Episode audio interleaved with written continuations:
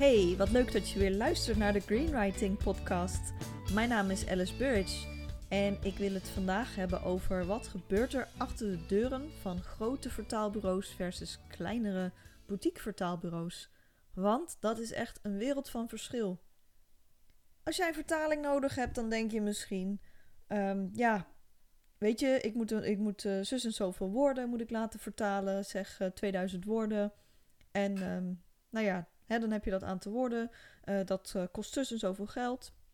En uh, ik ga eens rondkijken naar de verschillende vertaalbureaus. En ik kom lekker uit bij de goedkoopste. Want ja, weet je, ik kan 2000 euro uitgeven voor zoveel woorden. Of ik kan veel minder uitgeven voor zoveel woorden. Ja, maakt toch helemaal niet uit. Hè? Ik kies gewoon eieren voor mijn geld. Lekker goedkoop. Maar dan moet ik je wel wat vertellen, want zo werkt het echt niet.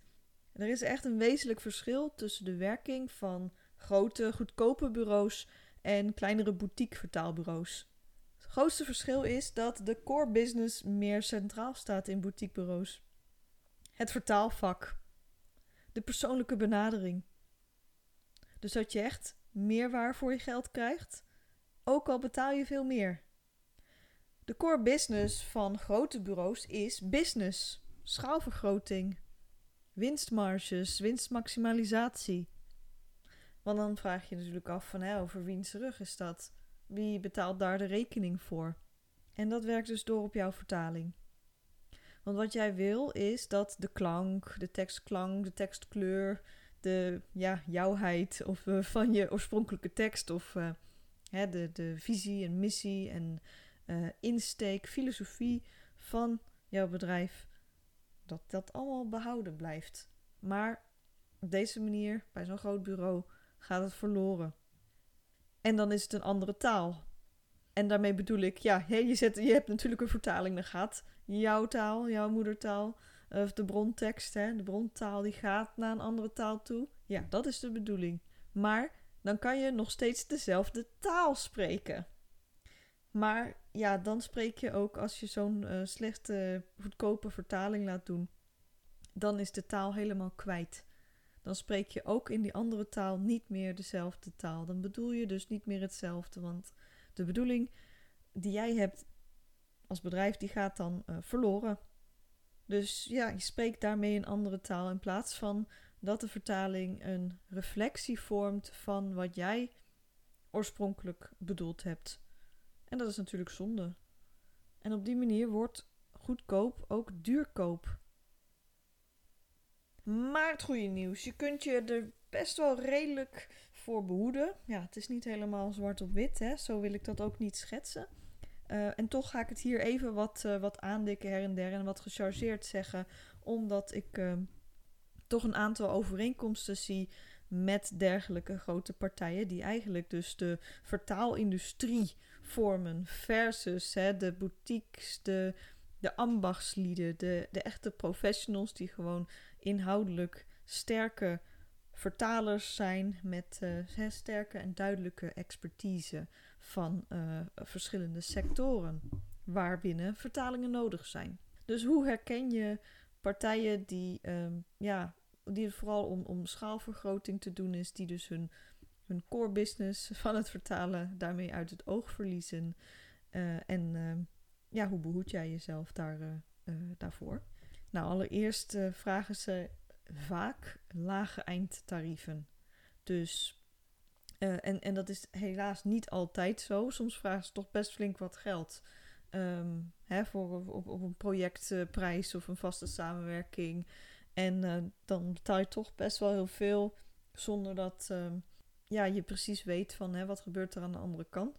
Uh, terwijl dus zo'n zo'n zo'n agency, uh, vertaalbureau, de vertalers maar heel weinig betaalt. Dus het is een enorme en onethisch grote marge draaien. En jij denkt van nou, ik betaal daar flink voor, dan zullen ze de vertalers ook wel goed betalen. Dat is dus niet altijd het geval.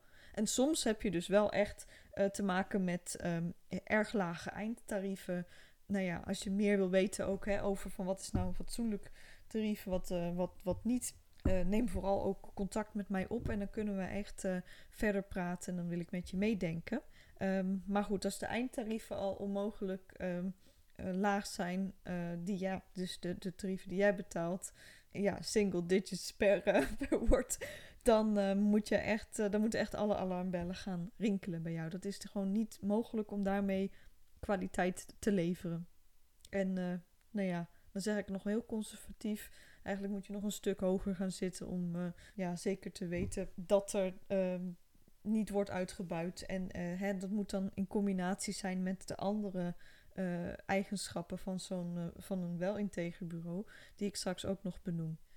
Maar goed, zo'n uh, zo'n grote partij wiens core business het is om de winst te optimaliseren, te maximaliseren, en die dus vertalen uit het oog zijn verloren. Um, ze hebben ook vaak van die saaie websites met echt grote claims. En daarop lijkt het wel alsof ze wereldwijd aanwezig zijn, ze hebben het vaak ook heel erg, um, ja, een beetje door, door te prikken. Um, uh, hebben ze het geoptimaliseerd voor zoekmachines. Hè, door uh, overal, um, nou ja, door, door vertaalbureau Zus Zo Land, vertaalbureau Zus en vertaalbureau alle grotere plaatsen van Nederland. Alsof ze allemaal en altijd overal en bij iedereen om de hoek zitten. terwijl dat dus helemaal niet waar is. Dus dat is een beetje die claim overal of zelfs wereldwijd aanwezig te zijn. Daarnaast lees je vaak dat ze alle mogelijke talen kunnen bieden. Uh, ja, ik krijg dan wel eens bijvoorbeeld gare mailtjes van, uh, ja, met van die lowball taalcombinaties qua, qua tarieven. En dan eindtarieven, hè. En dat zit dan, ja, niet altijd hoor, maar soms wel buiten Europa. En dan vraag ik me ook af van hè, waarom zou jij een taalcombinatie, uh, waarvan dus één, één taal, in elk geval één taal, een Europese taal is, waarom zou je die dan, weet je, buiten Europa of in China of waar dan ook uh, laten, laten volbrengen? Dus dat is nog een teken dat, uh, ja, dat je daar niet uh, mee in zee kunt gaan. Maar er zijn ook hè, partijen die, die zich met zulke praktijken be bezigen. Die wel in, in Europa of in Nederland zelfs gevestigd zijn. maar dat, is dan, ja, dat moet je dan eventjes in, in combinatie en in context zien. Ja, ze claimen echt dat ze voor Jan en Alleman kunnen vertalen.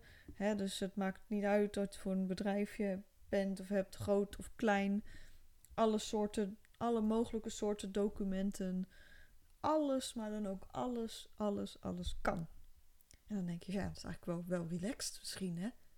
Maar dan moet je dus heel erg opletten, want er bestaat gewoon compleet geen, geen specialisme. En dan uh, moet je ook bevragen van, hé, hey, wat is het, uh, wat is het expertiseniveau dat hierin uh, aanwezig is? In hoeverre zijn mensen ja, fatsoenlijk gespecialiseerd? Of hebben ze ervaring met bepaalde tekstsoorten en bepaalde sectoren? Dus daar zou je ook wel argwaan van moeten krijgen. Een ander iets wat opvalt is de dat ze de vertaling haast gisteren al geleverd zeggen te hebben tegen de competitive rates. Hm, ja, als dat nou maar kon, hè? Een vertaling gisteren leveren. Dat is een beetje een onmogelijke time warp, maar hè, voor, uh, voor niets gaat de zon op. Maar dat, uh, ja, dus, dus de levertijden die kunnen soms onmogelijk eh, snel zijn. Als je een beetje bedenkt dat een, een vertaler, ja, afhankelijk eigenlijk van hoe moeilijk de tekst ook is en hoe specialistisch, kan je ervan uitgaan dat een vertaler, en als je nog een beetje ruimte in zijn dag wil hebben, um, hè, tussen de 1500 en um, uh, 2000 woorden vertaalt op een dag. Maar ja, een, eh, een, een vertaler heeft ook uh, zijn eigen uh, toko te runnen en, en weet je, dus, maar goed, als zij zeggen van oké, ja, we, hebben, we kunnen 10 of 20.000 woorden en dat kunnen we morgen of in twee dagen al leveren, ja, dat is dan een, onmogelijk. Of je moet iemand helemaal over de kop laten werken. Of je zet er al meerdere vertalers op, die dus, uh, waarbij de, de, de onderlinge consistentie um, in het gedrang komt. Hè, want iedere vertaler heeft toch ook weer net iets een andere, andere stijl. En er zijn altijd meerdere vertalingen van dezelfde tekst zijn goed. Um, maar dan kan er dus uh, op, worden ingeleverd op consistentie. En uh, soms is het ook gewoon van ja, we doen er een, hebben gewoon een machinevertaling en een vertaler, ja, of language service provider, bla bla, is een, een beetje een controleur. En ja, dat is ook gelijk het volgende kenmerk: dat ze heel vaak heel hoog opgeven over allerlei geavanceerde technologie. Uh, waarbij dus het resultaat dat je krijgt uh, meer uh, gestuurd is door machinevertaling en AI. Waarmee het resultaat altijd suboptimaal is. En ja, nogmaals, jouw gevoel en echt jouw kern. en, de bedoeling ook hè, van, jou, van jouw onderneming uit de vertaling verdwijnt. Een vertaler wordt een soort controleur, maar je krijgt niet uh, de, fatsoenlijk de tijd en de gelegenheid om daar dan wat van te maken. Maar het beste resultaat krijg je ook echt niet als je op die manier werkt. Dus dan moet je echt geen uh, hoge verwachtingen van hebben dan. Uh, en zeker niet als je, het, als je iets laat vertalen voor publieke consumptie. Dus openbare tekst, bijvoorbeeld op een website of voor social media of in een, een publicatie. Dan moet je dat al helemaal niet, niet doen. Wat nog meer opvalt is dat er vaak geen specifieke personen van het team op de website zijn weergegeven. Dus het blijft vaak heel um, afstandelijk en als je goed leest ook heel algemeen. Hè, naast die grote beloftes. En um, ja, dan zie je ook wel vaak gewoon stokfoto's staan die je ja, misschien op heel veel andere sites ook ziet. En uh, er zit dus geen, geen ziel in. Eigenlijk is alle bezieling is, is weggevloeid. En dat is dus zonde. En de bezieling is, is niet alleen weggevloeid ja, uit de bedrijfsvoering, maar ook uit uh, dus het resultaat, uh, de vertaling die je zou moeten krijgen. Nou, voor mij reden om dat al vanaf het begin anders te doen. Ik ben nu uh, vijf en een half jaar bezig als ondernemer en ik heb al van, vanaf het begin heb ik mijn naam de greenwriting en met een heel bewuste gedachte, namelijk dat de, de menselijke bezielde vertalingen ook het meest toekomstbestendig zijn. En niet voor snelle consumptie en ja, weet je, dingen gisteren al geleverd hebben. Daar ben ik bewust uh, niet mee begonnen. Dat heb ik altijd geweigerd. Dus hoe doe ik dat? Ja, ik vind echt dat een, goede vertaling, dat is een product, een resultaat waarbij ook internationaal dus de kracht van de taal optimaal wordt benut. En dat, zijn de, dat is de taal van bijvoorbeeld de duurzaamheidssector, van architecten, eh, medische sector, eh, onderzoeksorganen en andere integere en ethische ondernemers die echt de toekomst van de planeet in gedachten houden en uh, ja, zich daar ook actief voor inzetten. En die dat ook goed kunnen afbakenen. Dus die daar al voor zichzelf veel duidelijkheid in hebben. En dan denk je, ja, een vertaling is een vertaling. Maar dat is dus niet zomaar even zo. Want een goede, doorwrochte vertaling die vraagt echt om dieper te kijken naar teksten. En dat kost veel tijd, meer tijd. Maar dat is echt alleen maar beter voor het resultaat. Daarmee gaan ook hogere prijzen gepaard. Maar het resultaat is gewoon onvergelijkbaar. Wat ik ook bewust heb gekozen is um, om ehm, puur met Europese talen te werken. Ik ben ehm, zelf bekwaam in het vertalen van het Nederlands naar het Engels en van het Engels naar het Nederlands. En ehm, daarnaast heb ik een uh, flexibele schil in mijn eigenlijk boutique uh, vertaalbureau, waarin ik ook in andere Europese taalcombinaties kan voorzien. En op die manier ben ik dus ook projectmanager. En ik zit wel graag dicht op de taal. Op die manier kan ik ook meer tijd nemen voor persoonlijk contact. En daarmee ook echt het, eh, het begrijpen van de bedoeling. Zodat de vertaling dezelfde taal spreekt als het origineel. En hetzelfde effect heeft internationaal. Ik kies ook echt bewust voor uh, volledig menselijke vertalingen. Met een um, ja, optimale inzet op het gevoel en het karakter van de tekst die goed over te brengen in de vertaling. Uh, dat uh, vergt natuurlijk ook begrip van de cultuur en de context waarbinnen een vertaling nodig is. En daarmee brengt het me ook vaak bij de transcreatie en lokalisatie. Oftewel, dat je niet alleen maar zinnen correct vertaald naar een andere taal, maar ook dat die uh, passend zijn en hun doel bereiken in die andere taal. Dus het vergt soms wat omschrijven. En weet je, dit gaat zoveel verder dan uh, een, simpelweg een woordtarief één op één vragen. En ik vind het heel fijn ook als jij uh, ja, je aangesproken voelt door wat ik nu allemaal heb verteld. En weet je, als het, uh, als het leerzaam was en inzichtelijk was voor jou. En jij hebt een, ja, hoogwaardige teksten die je wil laten vertalen.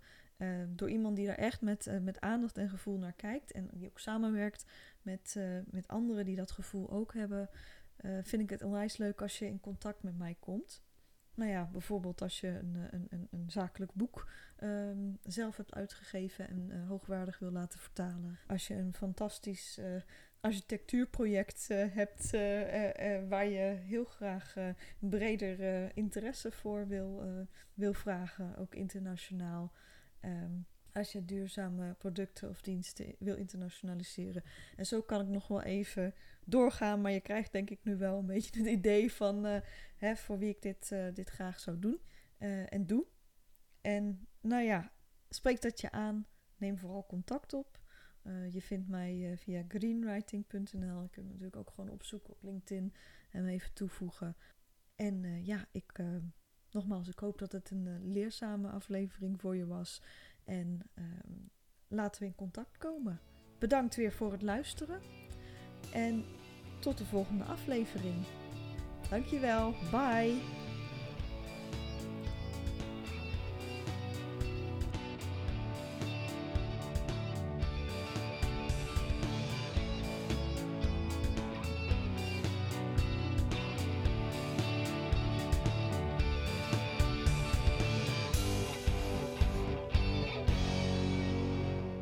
Hey, ik heb nog wat voor je.